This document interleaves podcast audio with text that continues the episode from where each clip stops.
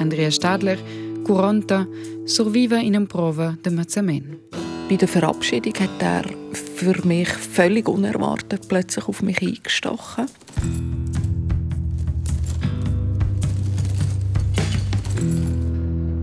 Podcast. Benveni el podcast. Se dica, uns bo en persun setza, ma bain tir citi che ves forse di avisau in moderna persun nella viginanza. Lu de letzes ures, con Jenny Vons, quella fus bunmen venida mezzada. Mio nome è Sabrina Bondi, ad oz schmeini mai bunmen la soppia de tetlasch com io hosp, Andrea Stadler della Portenza, requenta dell'improva de mezzamen che l'ha surviviu. Io son fetio ingraziaivla della persuenter, perché io proprio in discurs de crenzli de caffè. Nu genti ina a l'altra, perché nus essen schon in pergade sentupades durant la lavur, ella è nominada men giurista a presidente della Casa de Donas Grigiuna. A queu è soia historia. Ich bin daheim mein Ex-Partner auf Besuch. Und wir hatten an diesem Abend keine Auseinandersetzung, gehabt, nichts. Wir haben zusammen zur Nacht gegessen, der gemeinsame Sohn ins Bett da. Und ähm, haben noch Musik gehört, ein paar CDs angeschaut, die neu rausgekommen sind. Und bei der Verabschiedung hat er für mich völlig unerwartet plötzlich auf mich eingestochen. Und ich, ich, ich sehe sehr schlecht, ich hatte eine Brille an und diese Brille ist irgendwie beim ersten Schlag oder beim ersten Stich ist die weggeflogen. Und ich habe auch nicht wahrgenommen, was genau passiert ist. Ich habe irgendwie gemeint, ich werde verprügelt und habe dann erst im Nachhinein gemerkt, dass ich blühte und dass er offenbar ein Stichwerkzeug in der Hand hatte. Quei waffen stau in Sibla. Scoins drova, per esempio, per far ruosnas encintes de curom. La Sibla ha ex diu cunel. Denton toca not sa Andrea Stadler bo de co che la diu cunel con la Sibla. Se la poi diu planisau le tacca sinela, ni se la reagau ordin impuls. L'Andrea Stadler ha ludada ansemen. Spielt Telefon. Das war eigentlich mein Glück, weil ich direkt neben dem Telefon liegen geblieben bin. Konnte ich meinen Eltern anrufen, die im gleichen Dorf gewohnt haben und die sind sofort gekommen. Und er ist dann ab und davon? Er ist weg. Er ist mit dem Auto davon gefahren und ist dann offenbar, das habe ich dann im Nachhinein erfahren, etwa ein bis zwei Stunden in der Gegend herumgefahren. Und die Polizei hat ihn angehalten, weil er neu bei einem Abbiegeverbot falsch abgebogen ist. Und weil er irgendwie ein bisschen durcheinander war, haben sie ihn gefragt, was denn los ist. Und dann hat er gefunden, ja, er hat jetzt gerade seine Freundin umgebracht.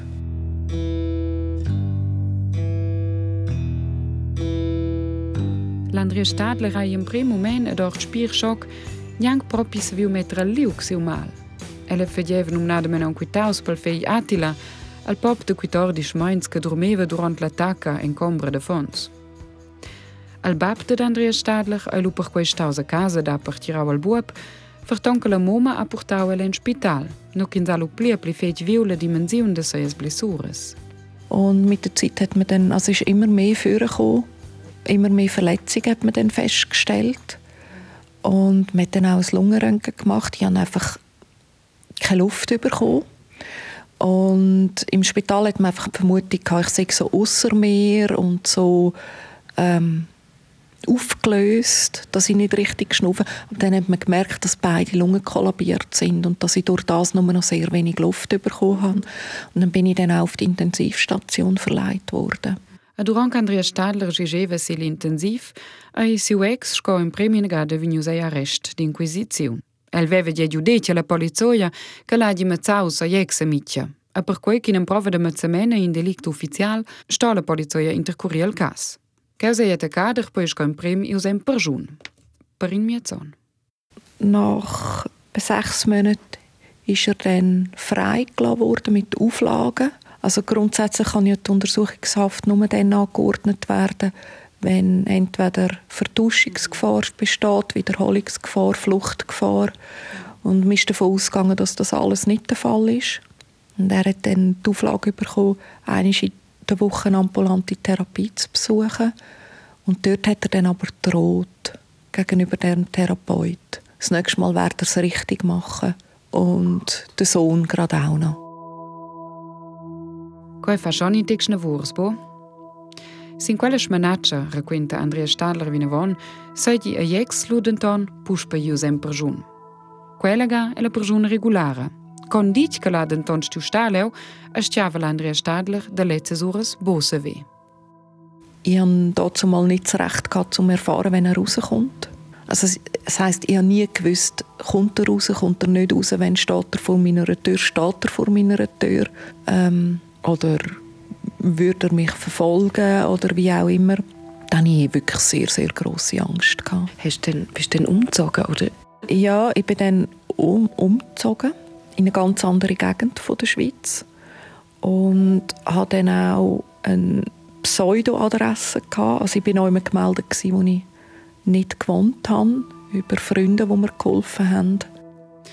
Amics, ses genitors ed esses friuns che l'hain fet stretcha relaziun han gli dau ella de se zupa. Ad enton, sel cas de siu ex ius vinavon a schoia. Also er ist nach der Drohung dann noch mal ein paar Monate im Gefängnis gewesen. Er hat dann auch, äh, ist ihm psychisch sehr schlecht gegangen, ist dann auch in der geschlossenen Psychiatrie gewesen. Ist es hin und her gewesen, ist dort dann auch mal entwischt und ist von einer Brücke abgefallen oder abgekumpelt in einen Fluss. Ähm, man hat glaube nie restlos geklärt, ob es tatsächlich ein Unfall war oder ein Suizidversuch. Jedenfalls hat äh, jemand das beobachtet und ihn dann rausgezogen. Es hat verschiedene Gutachten gegeben und er hat dann die Diagnose gehabt, paranoide Schizophrenie. Und das Gericht hat dann entschieden, dass er aufgrund von stark verminderter Zurechnungsfähigkeit nicht voll schuldfähig ist. Und er ist nur zu 18 Monaten verurteilt worden. Hast du denn das als Opfer als gerecht empfunden oder ist das für dich noch zu wenig? Für mich ist eigentlich nicht die Strafe im Vordergrund gewesen, sondern meine eigene Sicherheit oder mein eigenes Sicherheitsgefühl. Von dem her hätte ich es begrüßt, wenn er möglichst lang im Gefängnis gehockt wäre und ich hätte einfach gewusst, gut, er ist nicht um, er ist weggesperrt und ich kann mich sicher fühlen. Strafe im Sinn vom Charakter, wo sie ja auch hat, das ist für mich eigentlich im Hintergrund gestanden. Also für das mir zugefügte Leid habe ich wie irgendwie nicht so können beurteilen, ja, wie viel soll jetzt das äh, in, in, in Jahr wie viel soll das sein? Sondern für mich ist wirklich einfach im Vordergrund gestanden, hey, wenn er irgendwo inhaftiert ist, weggeschlossen, egal ob in der Psychiatrie, im Gefängnis, dann kann ich mich sicher fühlen, dann taucht er nicht auf. E lei puspe cumparius, aber ti cledi bua vona ies casa de Andrea Stadler. In quels vegn ons ken vergai de piletaka, eile viu eile un duas gades. Einer in einem Restaurant. Per Zufall, ja, ich habe dort gegessen und dann ist er reingekommen und dann aber wieder gegangen. Er, er hat dich auch gesehen? Ja, das war etwa sechs Jahre später. Gewesen. Und etwa, oder vielleicht drei Jahre später. Und auch etwa zwei Jahre später ähm, im Mediamarkt. Quest'aula sulettes ga no chiam viu in lauter. No Andrea Stadler a bain piau tema ai den tombo fugida. Ad oz, oz alle sappi quai. Also im Moment ist unbekannt, wo er sich auf, aufhält. Also er ist Schweizer, aber äh, er ist äh, zum Beispiel nicht an der Beerdigung von seinem Vater, wo vor einigen Jahren verstorben ist. Also wir wissen nicht, wo er sich aufhält. Seine Familie weiß es auch nicht. Und dementsprechend, ja, gibt es keinen Kontakt und rechne auch nicht unbedingt damit, dass es in nächster Zeit wird Kontakt geben Che sunt io specialmein ingrazievole della che la racconta mi la storia il podcast. Perché io hai domandato ella se la agi bo forse in tic tema che se ves forse udi quel podcast. Ella doi na, aber ella doi al medem moment bu fac e persuadiu. Persuadiu per quel che le persuadida che un frendes de violenza a casa ston cinciasor de quel che capeta. E bu fac per quel che in tic tema resti adina.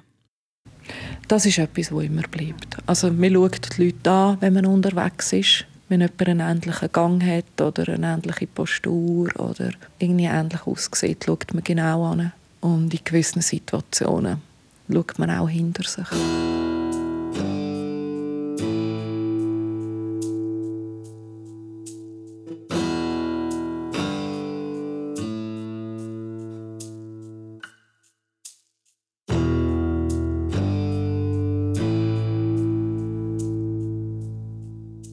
L'Andrea Stadler hat la portenza ha surviviu con Genif in una prova de mezzament. Siu ex ha picciau sinella con ina sibla durant il pop de 14 mains a Jatila dormeva in combra de fons. Io lese un cuor cincià con ella sur de Datila. Wenn du ihn anschaust, wirst du manchmal auch an das erinnern. Also ähnelt er vielleicht auch seinem Vater? Nein. Und wie hat er denn auf das reagiert, wo du ihm gesagt hast, was passiert ist? Also ich habe einfach ihn immer versucht, altersgerecht zu informieren.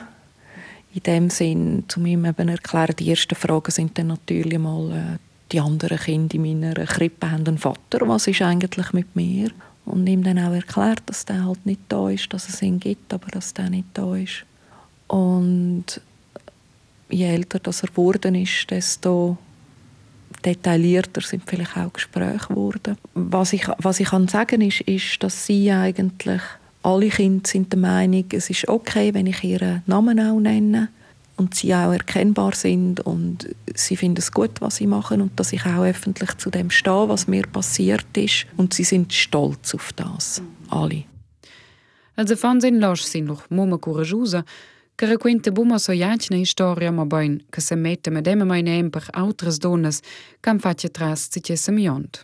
L'Andrea Stadler è nominato mein presidente della Casa de Donnes Grigiuna a sa per cui è direttamente comparia scuola politica ad as uffezis van in tuan orts vegna un suenter soi attacca con violenza a casa. Scoimprem den ton un curtin exempel negativ co quai era lupi baul. In a curt episodio o del spital che la muoma de Andrea Stadler veve survegnu cun. Sie hat im Gang gewartet und sie hat mitbekommen, dass sich ähm, das Personal dort aufgeregt hat, dass sie jetzt in der Nacht da müssen irgendwie noch Untersuchung machen und den Oberarzt wecken, weil sich wieder eine hat prügeln daheim. Und das ist einfach, also das ist bis heute sehr schlimm für meine Mutter auch. A dort? Es gibt heute mehr Beratungsstellen, es gibt mehr Fachpersonen, die sensibilisiert sind. Man ist heute bei der Polizei besser sensibilisiert, man ist heute im medizinischen Bereich besser sensibilisiert. Das sind erste gute und wichtige Schritte, aber es gibt noch einen langen Weg, wo wir noch gehen müssen. Also ich kann einfach noch mal daran erinnern, ich sage das immer, oder jede dritte Frau wird in ihrem Leben Opfer von häuslicher Gewalt. Und eigentlich fast egal, mit wem das man redet, man kennt die Leute gar nicht im Umfeld. Oder man sagt, ja, in meinem Umfeld ist glaube niemand betroffen. Aber äh, sicher ist, dass es einfach anders ist. Und es gibt so wenig Opfer von häuslicher Gewalt, die auch offen darüber reden, die auch öffentlich darüber reden oder schon nur in ihrem Umfeld. Und das weist darauf hin, dass immer noch einfach gesellschaftliches Tabu besteht, dass sich die Frauen immer noch dafür schämen und das sollte eigentlich nicht sein. Wenn es zu häuslicher Gewalt kommt, dann gibt es einfach keinen Grund, der das rechtfertigt. Null Gründe. Nie. In gar keinem Fall. Quem bien pleit definizione. Io ringrazio cordialmente ad Andrea Stadler per raccontare a Viartemein e a vos per tedla a Viartemein sua storia. Io metto lei della in fotografia sin Instagram del podcast. Leu se vese scrivermi, ni della, io tormette luvina von, ni che vos vese scriver sin sabrina.bondi.rtr.ch. An grazie al fich, a tocken gleit.